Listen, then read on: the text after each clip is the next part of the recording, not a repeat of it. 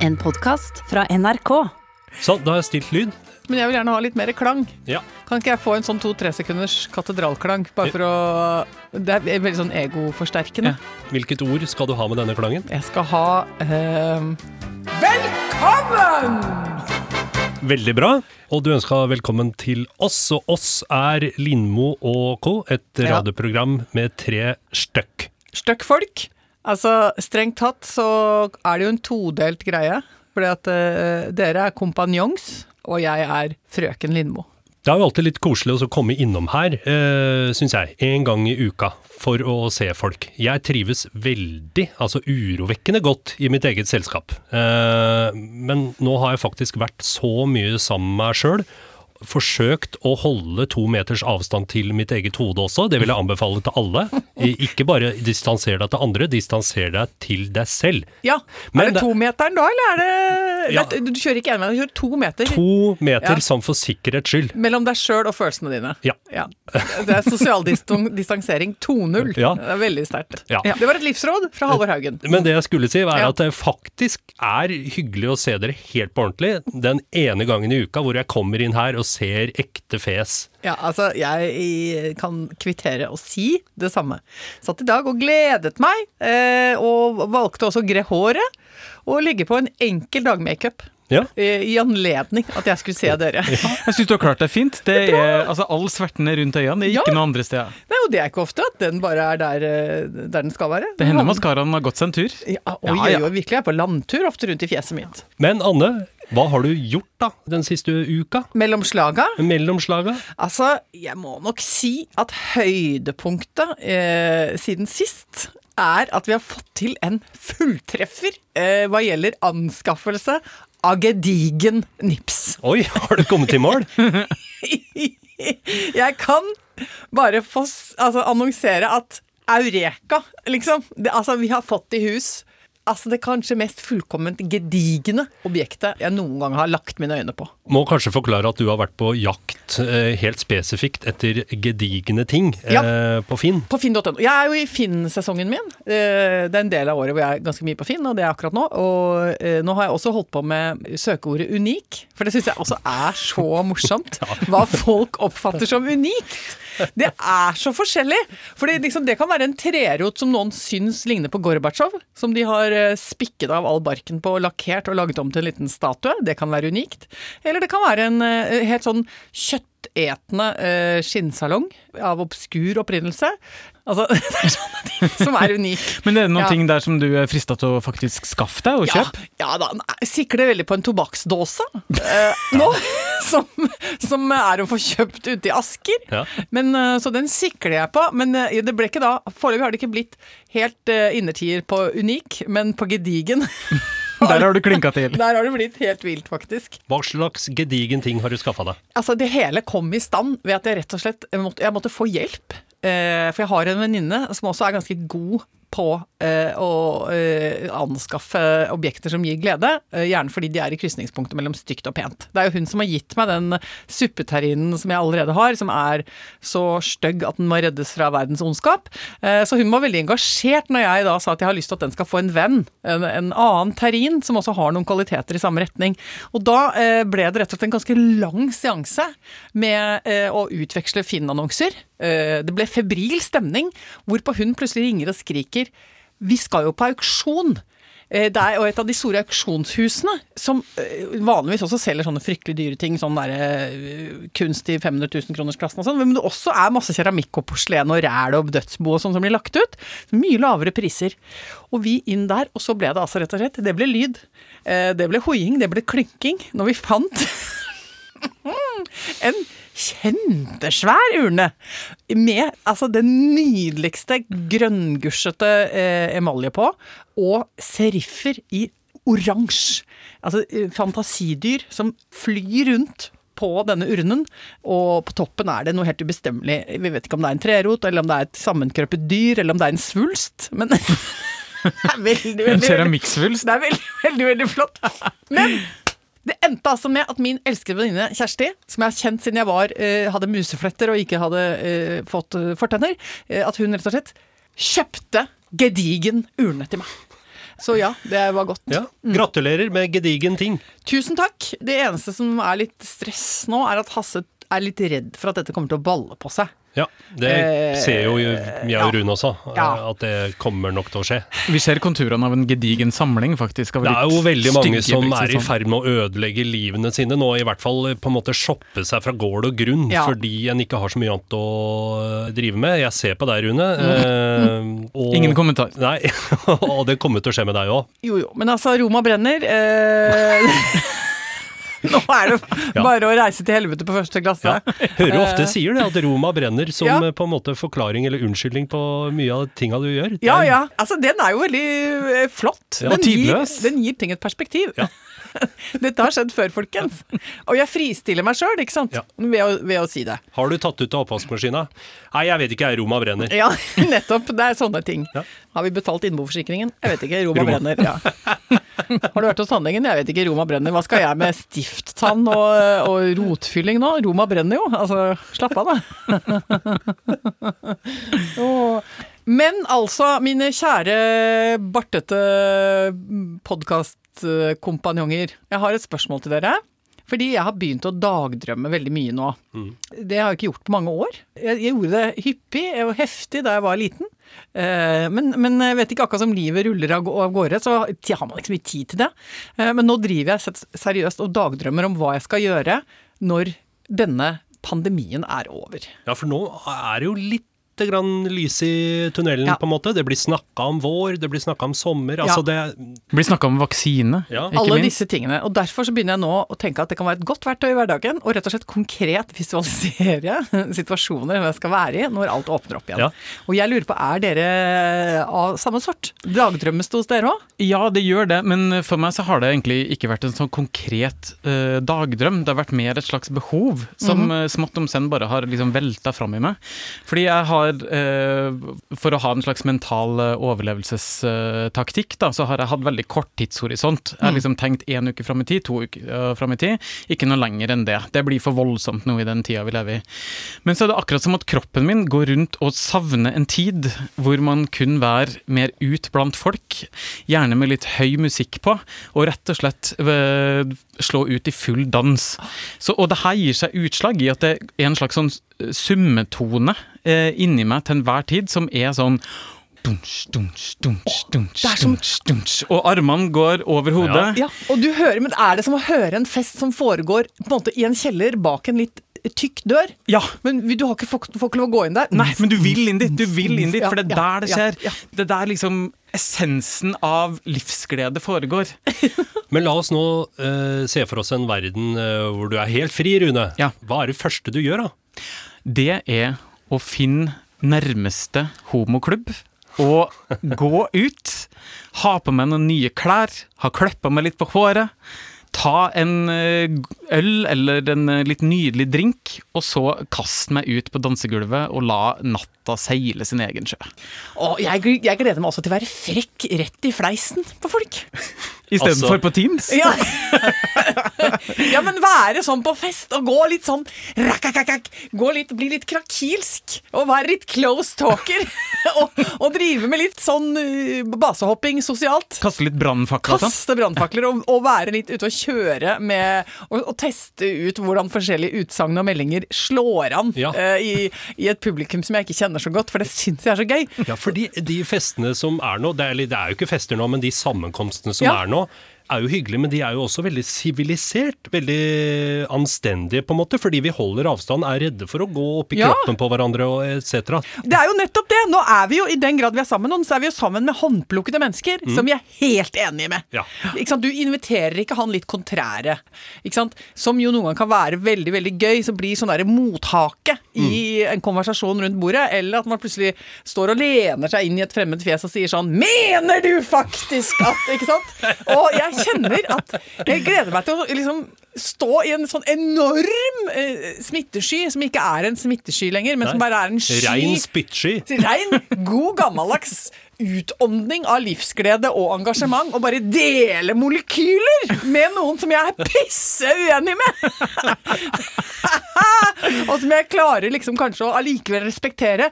For jeg, altså jeg, jeg, det beste med sånne samtaler er jo ikke egentlig å vinne, men bare at det er gøy. Det er som, det er som å slåss, da. Ja. Eh, å sparre.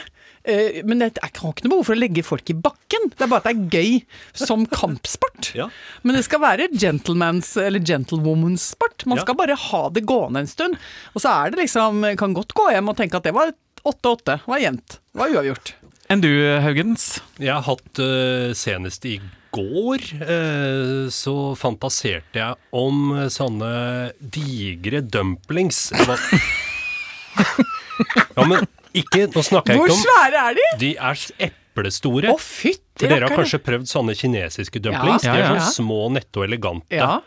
Georgiske dumplings er det jeg snakker om.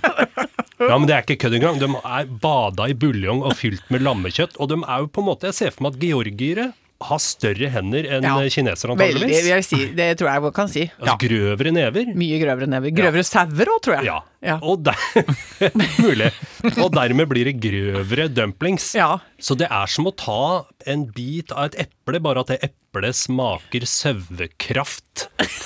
Og kjøtt. Sånn. Så jeg, det har jeg bestemt meg for. Faktisk sendt melding til en kompis om akkurat dette her, at den dagen vi får beskjed om at yes, nå er det tut og kjør, grensa er åpna, så skal jeg ha gjort research og funnet Nordens beste georgiske restaurant, og så skal jeg kjøre dit. ja. Hvorfor ikke tenke enda litt høyere og bare dra til Georgia? Ja, det er hvorfor- jo kjøretur, det. Ja, men altså, Ja. Hvorfor ikke bare, bare liksom uppe gamet? Altså, når vi først skal ut på tur igjen, så tenker jeg Altså, Georgia for dine føtter. Dra til kilden. Få alle dumplingers mor inn i gapet ditt. Herregud, du har helt rett! En Ja. østeuropeisk odyssé. Altså Tiblisi, here I come.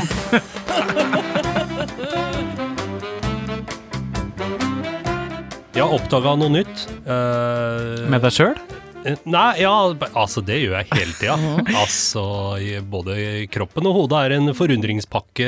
Ikke alltid av gledelige ting, men eh, det er en forundringspakke, ja. Livet er jo en oppdagelsesreise for deg, Halvor? Haugen. Har du blitt klokere? Har du blitt vakrere? Har Ja, du, du- blitt eh, ja, åpnere? Mer lukket? Hva har skjedd med deg? Dette er en mikrooppdagelse Ja. som hundretusenvis av mennesker har gjort før meg. Men det er jo akkurat sånn som det er med alt, at eh, når en først oppdager ting, så føles det som om man er den første til å oppdage noe, ikke sant? Ja. Og nå gjelder det rett og slett mat. Fordi vi har jo snakka om det. Vi liker å snakke om mat. Og jeg har også plaga dere med episke kjøkkenreiser, på en måte, med langtidskoking av kjøtt og masse prosesser og krydder og det ene med Ja, det andre. altså, vi, det snakkes jo om uh, n- svinenakker og mørbradkjøttstykker, Ja. og jeg vil si på poetisk vis. Ja da. Ja. Men nå har jeg rett og slett gjort 180 graders helomvending. Begynt med polsesupper og polsegryter. Og, og altså, rett og slett meksikanere, altså Ja, you name it. Ja. Altså meksikansk gryte. Ja. Orientalsk gryte. orientalsk gryte. Eh, altså grønnsakssuppe i poseform. Ja. Og Hva kan du melde om? for en verden som har åpna seg for meg. Og det er sånn I går spiste jeg en sånn grønnsakssuppe. Spedde på med lite grann sjøl, men herre fredens jorderike. Ferdig middag på 15 minutter, og helt suverent. Det fins et stort industrikonsern som har, Ja. har altså raffinert frysetørring Ja. og, og øh, altså bearbeiding og prosessering av råvarer. Ja. Og de har lykkes med å lage noe kjempegodt! Og dette har jo på en måte visst om, men det har jo på en måte vært pariakasten Ja. eh, i butikkhylla, ikke sant? Nei, vi går ikke på den nederste hylla der, der er posegrytene, for det gjør vi ikke i vår familie, på en måte. At det har vært snobbete. Ja, for vi lager ting fra bunnen. Ja, men ja, hvorfor i alle dager skal vi lage ting fra bånda når andre allerede har gjort det for deg, og du kan få en posesuppe til 20 kroner? Og barneganer er jo ofte veldig begeistret Ja. for disse, Ja, ja. altså denne smaksreisen eh, man får hvis man begynner i pose, poseverden. Ja. Eh, altså, mine sønner har aldri vært så lykkelige som på DNT-hytte. Man får lov å gå inn i tørrlageret der og gå bananas. Fordi det er jo en av de få gangene i året hvor jeg sier her er det boks, her er det suppepose, nå blir det fest. Det er jo ikke så veldig ofte de setningene faller ut av min munn, eh, og det er veldig sjelden at jeg setter ting på bordet som kommer fra en pose. Men altså, et så lykkelig barn som får først posesuppe, så hermetisk middag, og så klinker til med en saftsuppe, altså sånn derre Ja, ja. Fruktsuppe til slutt, som altså er så kjemisk. At, eh, det, Ja, hvilken frukt er det? Det er jo Nei, ingen hva frukt. er det for noe? Det er noe aprikos og noen rosiner og noe greier. Og sånt, og Det er jo laga sånn at det, altså, det kommer jo til å gjøre at vi råtner saktere etter at vi dør. Eh, for, Det er balsamering på pose. Ja, det er balsamering på pose. Men det er jo hallelujastemning. Men eh, Halvor, familien din og andre folk rundt deg går jeg ut ifra, er jo veldig vant til at du lager mye god mat. Og hvordan skal denne overgangen skje? Ingen som har merka noe forskjell. Nei, for det, der i ligger jo erkjennelsen. Altså, Det er jo ikke noe vits i å drive og holde på med å Lage egen sånn eh, Kraft. Ja, og, og sånn currypaste og holde på med å hakke sitrongress og mose det og la det stå. Det er ikke noe vits i! Det sier jeg til alle som gidder å høre på. Drit i å lage mat fra bånda. Kjøp deg en pose. Og, og bruk tida du ellers ville ha brukt på å lage mat, til noe annet. noe Mulig jeg mener noe annet neste uke, men akkurat Ja. dette mener jeg veldig sterkt i dag. jeg, liker dette, jeg liker dette standpunktet, og jeg støtter meg til det. Akkurat i dag er jeg helt enig med deg. Enig. Dette minner meg faktisk litt om da jeg var i den første gangen jeg var i mammaperm. Og da var jeg litt sånn opptatt av det ikke sant? Jeg hadde liksom oppdaga det å lage indisk mat og sånn. Det var liksom litt sånn uh, stilig å holde på med det. Og da fikk jeg det for meg at jeg skulle lage pickles. Eh, fra bunnen. Eh, I en sånn, sånn krampetrekning med å være sånn sjølberga og hjemmeværende, da. Ja. Og begynte å, å, å finne noen oppskrifter på det. Og kokte her elendig smørje! Forferdelig tidkrevende, for det skulle reduseres og reduseres Ja, ja. og reduseres, og det skulle være noe eh, lime, og det var mye styr med, med ting som skulle gå fra å smake bittert til å begynne å smake noe helt annet og sånn. Altså, opplegg! Og så gikk det altså rett og slett helt ræva. Eh, jeg jobba med å få det over i glass som var sterilisert, og de ble satt eh, ikke sant, og opp ned og alt mulig rart etter kunstens, alle kunstens regler. Åpner det, og det smakte jo faktisk rett og slett pedalsyre blanda med diesel og eh, fugleskit, liksom. Altså, og klorin. Altså, det var så vondt. Og det var så tidkrevende. Og så gikk jeg da i min lokale butikk, hvor det var en dame med, av indisk eller pakistansk opprinnelse, så sier jeg til henne du, jeg prøvde å lage sånn pickles, så hvordan gjør dere det? Altså, jeg er veldig nysgjerrig. Søster til søster, her strekker jeg ut en hånd. Kan jeg få lov? Kulturell brobygger her. og få din eh, oppskrift som er nedarvet uh, muntlig og skriftlig i 17 ledd, uh, og kanskje få lage din pickles. Ja. Uh, og så ser hun på meg og så sier hun bare sånn Nei, den kjøper jeg jo på glass. Uh, fra det store industrikonsernet. Ja. Langreist vare fra helt annen verdensdel. Bruker jeg på all maten min.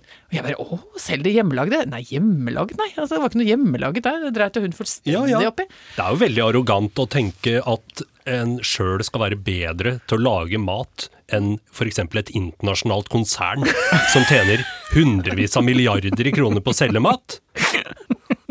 Og ett poeng til er jo, som jeg hadde nå klart i posen i tilfelle dere skulle gi meg motstand. Ja. Nå gikk jo dette veldig mye Ja, vi lettere er veldig jeg Ja, ja. Med en slags plastelina.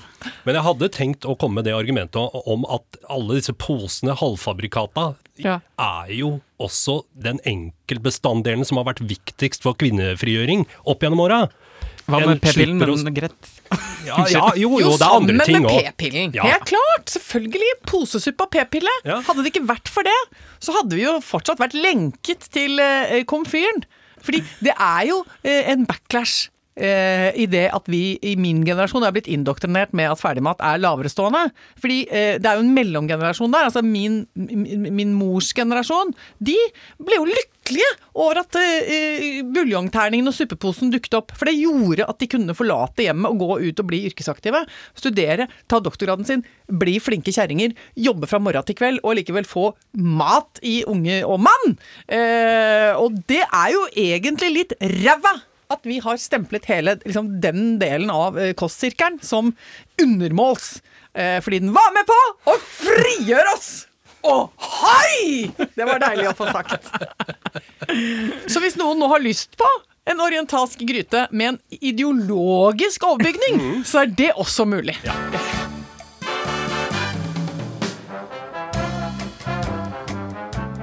Jeg har begynt å spionere på folk, jeg. Har du begynt å luske, som vi gjorde da vi var eh, elleve år? Altså sneik oss opp til stuevinduene Ja. til folk og drev og kikka inn. Herregud, så guffen hobby det var, egentlig. Veldig guffen hobby. Vi brukte også å banke litt i veggene til folk. Oh, vi ja. skape litt sånn furore og se Ja. litt hva slags reaksjon de fikk. Nå føler jeg meg veldig veldig, veldig gammel når jeg sier det, men jeg har også gjort sånn med at man, vi satte opp sånn fiskesnøre med en liten nål i vinduskarmen til folk, og så dro vi den snora langt av gårde ut i buskene, og så gnikka vi på den med harpiks. Og dette var i 1847. Det var i mellomkrigstida. Det var forbudstida, det. For da ble det sånn Og det er innmari ekkelt å høres ut som en katt som dør i hagen, liksom. Ja, fordi da kom den lyden inne i stuene til folk. Ja, ja, da, da, du, du liksom sendte den lyden langs med snøret, da, så det ble forferdelig Og så hadde vi, Men det er innmari teit, det er så gøy- gøyale dumme rekvisitter. Harpiks, hvem er det som har det lenger, Nei, liksom? hva er det? Og så Hvor hadde dere det? ja, vi hadde, det hadde, hadde vi sammen med kalosjene og mamelukkene, da vel. Så da lå jo harpiksen. Og så, og så var det også det at vi skulle gnikke med Men det fikk vi aldri til å gni med sånn isopor på ruta, Fordi da så de oss med en gang. Ja, det er jo mye smartere med en tråd og en harpiks, og Ja. til dere unger som hører på, bare Ja, spør det. foreldrene deres om en beta med harpiks og en, eh, en tråd, så kan dere plage naboen. Men altså, dette, nå, nå snakker vi om dette som en sånn veldig uskyldig ting, men, men eh, Det er jo terror. I, I dag ville jo dette blitt kalt liksom bander terroriserer villastrøk. Den gangen så het det bare dra ut og bølle litt. Når du sier det, jeg hadde blitt veldig skremt. Ja, Hvis noen hadde gjort det nå, man hadde Ja. blitt helt skrekkslagen. Og det hadde blitt tatt opp og vært bupp og bipp og alt mulig rart. Manglerud politistasjon hadde kommet på døra og sagt 'her er det buppete bupp, nå må det buppes'. Ja.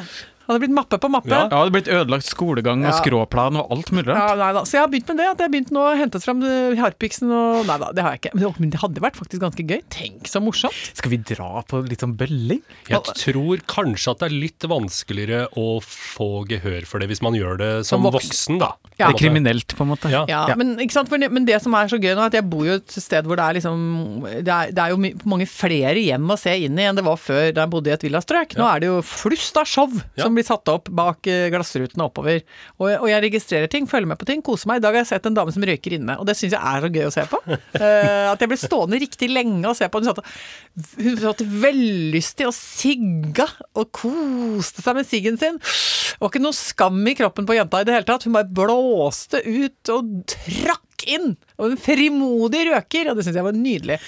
Og så koser jeg meg også med at uh, den derre bilen som jeg snakka om for et par uker siden Ja, du har en bil i nabolaget som du mente så ut som en Twist-beta, husker jeg du sa. Det er en Porsche i sølvfolie. Ja. Og gjett om jeg har fått 118 meldinger om hvem som eier den. Oh, ja. Det er Jan Thomas. Det burde jeg jo ha skjønt. Det er JT. Ja, Det er JT. JT som er, bor et eller annet sted i strøket og har fått seg uh, sølv-Porsche. Det syns jeg er lystig. Men nå kjente jeg plutselig, siden jeg vet at nå da at det er Jan Thomas som kjører inn, så kjenner jeg at nå liker jeg jo den bilen enda bedre. Ja, ja, nå syns jeg, det bare er topp, for han må ha sølv- sølv-Porsche. Jeg vil ha høyglanset bil. Ja. Og så Nå ble det spontant eh, overgang til postkassa. Ja, men det, du, det var en snedig overgang, det. Ai, ai, ai, ai, fordi det som har skjedd, er at jeg har fått tilsendt et par utrolig nydelige votter. Altså, de er så fine. Det er eh, nydelig eh, strikket hvit ull med rød te på, for jeg er jo veldig glad i eh, Turistforeningen eh, og liker de røde teene, og det har hun oppfattet.